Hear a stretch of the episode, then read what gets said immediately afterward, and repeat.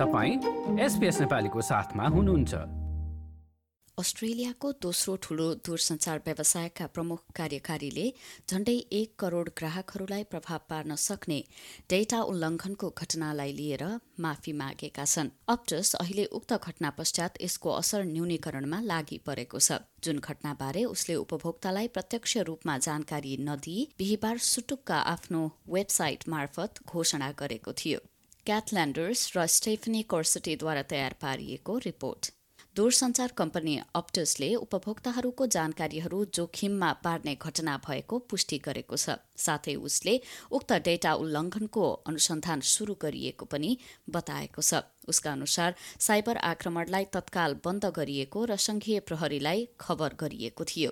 अप्टसकी प्रमुख कार्यकारी केली बेरोजमेरिनले आफू यसबाट विक्षिप्त भएको र प्रायश्चित गर्ने बताएकी छिन्। साथै उनले उपभोक्ताहरूको भलाइका लागि र पारदर्शितालाई ध्यानमा राख्दै यस घटनाबारे जानकारी दिइएको बताइन्। We understand that customers will be concerned, and while it's not all our customers that have been impacted, openness and transparency is what we believe is best. While it doesn't make for great headlines for Optus, it is in the best interest of our customers. उनले आक्रमणलाई परिष्कृत भएको भन्दै यसका बारेमा सम्पूर्ण विवरण भने नखोल्ने बताएकी छिन्। कम्पनीले केही शंकास्पद गतिविधिहरू देखे पश्चात डेटा उल्लङ्घनबारे थाहा पाएको बताएको छ। तर यसबारे उपभोक्तालाई सिधै जानकारी नदिई समाचार प्रकाशित गरेको उसको भनाइ छ। रक्षा मन्त्री रिचर्ड माल्सले कम्पनीका लागि यो अप्ठ्यारो परिस्थिति भएको बताएका छन्। Right now, the focus is on uh, Optus's customers, uh, making sure get the best information, and the ACSC is working with Optus to make sure that that information is provided so that they can handle their affairs in the best possible way.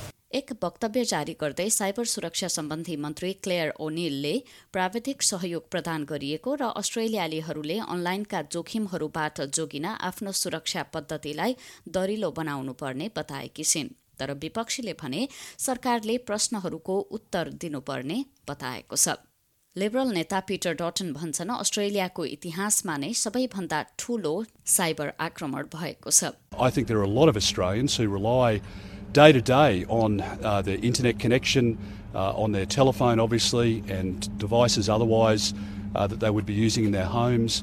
Uh, people may have shared passwords. उक्त उल्लङ्घन पहिलेका र हालका उपभोक्ताहरूको जानकारीसँग सम्बन्धित रहेको छ र यो सन् दुई हजार सत्रसम्म पनि पुगेको छ यसमा उपभोक्ताका नाम जन्ममिति फोन नम्बर र इमेल ठेगानाहरू पनि रहेका छन्। केही उपभोक्ताहरूको संवेदनशील जानकारीहरू जस्तै घरको ठेगाना र लाइसेन्स र पासपोर्ट नम्बरहरू पनि रहेका छन्। यद्यपि अप्टसले पेमेन्टका जानकारी तथा खाताका पासवर्डहरू भने नपरेको बताएको छ।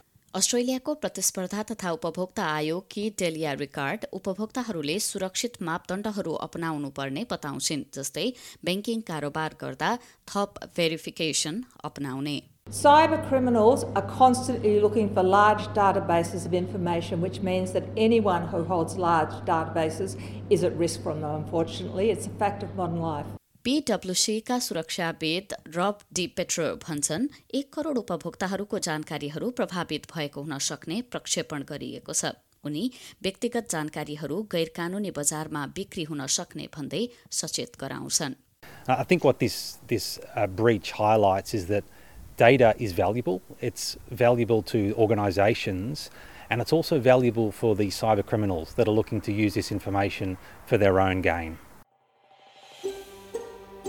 यो जस्तै अन्य प्रस्तुति सुन्न चाहनुहुन्छ? एप्पल पोडकास्ट गुगल पोडकास्ट स्पोटिफाईमा हामीलाई खोज्नुहोस् वा तपाईँले पोडकास्ट सुन्ने अन्य सेवामा।